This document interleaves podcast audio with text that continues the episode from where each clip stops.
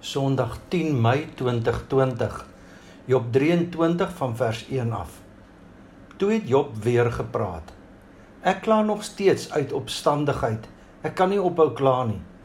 As ek maar geweet het waarom God te vind, sou ek na sy woonplek toe gaan en my saak voor hom lê, my pleidooie aan hom stel. Ek sou van hom antwoord probeer kry. Probeer verstaan wat hy vir my wil sê. Hy sal tog nie met sy groot krag teen my 'n saak voer nie. Hy sal my dit nie aandoen nie, want dit sou 'n opregte mens wees wat daar voor hom pleit en ek sou vir altyd deur my regter vrygespreek word. Maar gaan ek na die ooste toe, hy is nie daar nie. Na die weste, ek kry hom nie. Sou hy na die noorde aan die werk wees? Ek vind hom nie daar nie. Sou hy na die suide toe draai? Ek sien hom nie. Dan vers 16 en 17. God het my weerstand afgebreek. Die Almagtige het my met angs vervul. Maar in hierdie donkerte het ek nie stil gebly nie, in hierdie duisternis wat my oorval het. Gisteroggend het ons stil gestaan by die vernietigende verlies wat Job beleef het. Hoewel vroom en godsdienstig, is Job van alles gestroop. Hy het sy besittings, sy gesin, sy gesondheid en die respek van sy vrou verloor. Vandag staan ons stil by Job se worsteling om vir God in al hierdie dinge te probeer vind.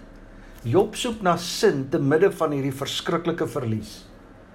Die boek Job help ons om te worstel met die oënskynlike afwesigheid van God in die diepste menslike swaarkry tye.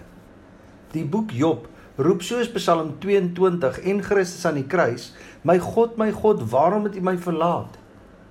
In jou diepste watertrap tye toets en weeg Job op 'n baie eerlike manier die fondamente en sekerhede waar mense hulle lewens opbou vers 8 en 9.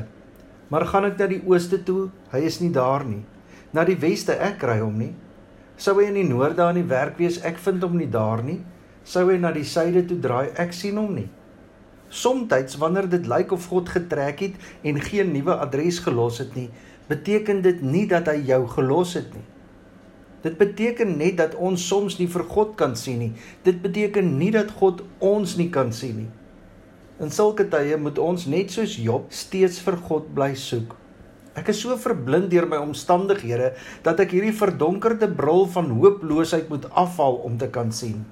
Soos Hebreërs 11 vers 1 sê, om te glo is om seker te wees van die dinge wat ons hoop, om oortuig te wees van die dinge wat ons nie sien nie. Al lyk dit nie so nie en al voel dit nie so nie, God is naby, want sy naam is Immanuel, God met ons. Daar is 'n ou legende van die duiwel wat 'n veiling hou om van sy gereedskap te verkoop. Die voornemende kopers bekyk sy versameling wat items insluit soos bekommernis, vrees, welis, gierigheid en selfsugtigheid. Maar eenkant staan daar 'n gereedskapstuk wat al foos gebruik is en tog duidelik gemerk is nie te koop nie. Dit is al stukkend gebruik. Waarom wil jy nie daarvan ontslaa raak nie? En die duiwel het geantwoord: Niks anders werk so goed soos hierdie een nie moedeloosheid. Satan se grootste oorwinning is as iemand alle hoop verloor het. Gebed is om te praat met die een wat hoop gee. Gebed keer dat ons handdoek ingooi. Dit verander ons harte. Dit help ons om te bly soek na God se teenwoordigheid. In Job 23 worstel Job met God. Hy is ongelukkig oor sy omstandighede en hy wil dit vir God sê.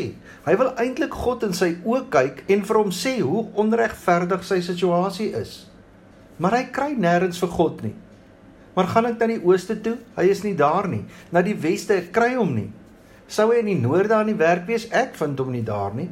Sou hy na die suide toe draai? Ek sien hom nie. Job is daarom besig met 'n aanklag teen God sy wens in vers 3 as ek maar geweet het waarom God te vind sou ek na sy woonplek toe gaan. Kyk hy wil vir God in sy oë kyk hy wil vir hom sê. Sy rede vers 4 tot 6 my saak voor hom lê my pleidooie aan hom stel. Ek sou van hom 'n antwoord probeer kry. Sê vir my verduidelik vir my En dan stel hy sy eie saak in vers 7, want dit sou 'n opregte mens wees wat daar voor hom pleit en ek sou vir altyd deur my regter vrygespreek word. Jy het 'n fout gemaak.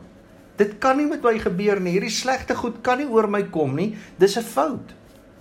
En dan sy aanklag in vers 16 en 17. God het my weerstand afgebreek. Die Almagtige het my met angs vervul. Maar in hierdie donkerte het ek nie stil gebly nie, in hierdie duisternis wat my oorval het. Job beweeg vanaf aanklag en amper verwyd na verlange, na desperaatheid, na magteloosheid, na wanhoop. Job probeer verstaan wat aangaan en hoe God hierdie swaar kry kan toelaat. Job dring aan op 'n ontmoeting met God, juis omdat Job weet dat hy 'n goeie, vrome en opregte mens is. Tragies genoeg kom Job tot die gevolgtrekking dat God nêrens te vind is nie. Job soek oral na die stil en geheimsinnige God, maar vind net dat God afwesig is. Hy beleef hooploosheid, hulpeloosheid, magteloosheid. Die boek Job gee aan ons verskillende alternatiewe maniere om sin te probeer maak uit lyding en swaar kry in ons lewens. Daar is Job se vriende wat verklaar dat Job gestraf word. Job moet net uitvind watter sonde hy gedoen het en dit bely, dan sal alles regkom, dan sal hy weer voorspoedig wees. Vandag is daar baie Christene wat so dink. Mense wat dink ons kan voorspoed en vooruitgang, rykdom en sukses voorspel vir mense wat op God vertrou en aan God gehoorsaam is. Ons noem dit voorspoedsteologie. Job help ons om op 'n ander manier sin te maak van ons trauma. Ons sal later in die boek weer daarby uitkom. Op hierdie stadium leer Job ons dat dit goed en reg is om ons trauma, ons verlies, ons skok in woorde om te sit, om daaroor te praat, om dit vir God te sê, selfs oor die onregverdigheid daarvan. Later in die boek Job word ons gehelp om ons lyding nie te verstaan waar Job nou oorweldig is deur die afwesigheid van God, bely hy later dat hy vroeër net van hoorsê van God gepraat het, maar dat hy homself en vir God in sy lyding kon leer ken. Daar is egter nie kort paaie na hierdie nuwe godservaring en selfervaring nie. Dit loop langs die weg van 'n intense worsteling met God en 'n besef dat dit nie in die eerste plek oor my as mens gaan nie. Die boodskap by die gedeelte is om te bly glo, selfs as ons geen pad vorentoe sien nie. Psalm 139 vers 8 en 9 sê: Klim ek op na die hemel, is U daar. Gaan lê ek in die doderyk, is U ook daar. Vlieg ek na die ooste of gaan woon ek in die verre weste, ook daar lê U hand my hou, U regterhand my vas. Job 23 vers 8 en 9 sê: Maar gaan ek na die ooste toe, hy is nie daar nie. Na die weste ek kry hom nie. Sou hy in die noorde aan die werk wees, ek vind hom nie daar nie sou hy na die suide toe draai? Ek sien hom nie. Psalm 139 en Job 23 sê presies hoe ons voel. Somstyds voel ons hy is oral en soms weet ons glad nie waar hy is nie. Die een krisis na die ander het Job getref, maar sy groeiproses was die manier waarop hy dit hanteer het. Al vind jy nie dadelik vir God nie en al ervaar jy nie God se teenwoordigheid nie, hou vas aan die wete dat God jou pad ken God weet waar jy is en God sal nooit met jou opgee nie. Jy mag maar verbitterd voel, maar moenie daar bly nie. Ten spyte van Job se krisisse, hou Job aan om te hoop. Hy bly nie stil oor sy swaar kry nie, maar hy hou aan om te hoop. Romeine 5 vers 3. Ons verheug ons ook in die swaar kry, want ons weet swaar kry kweek volharding en volharding kweek egtheid van geloof en egtheid van geloof kweek hoop en die hoop beskaam nie. Ons vra elke Sondag vir 'n virtuele kollekte. Gaan asseblief na www.ngpongola.com. Daar kan jy met SnapScan of met EFT 'n bydrae maak. Baie dankie vir jou ondersteuning. Here skenk aan ons die genade. Lig waar ons nie donker sien. Moed waar ons vrees. Hoop waar ons wanhoop. Vrede waar ons gemoedere storm. Vreugde waar ons hartseer is krag waar ons swak is, wysheid waar ons verward is, sagtheid waar ons bitter is, liefde waar ons haat.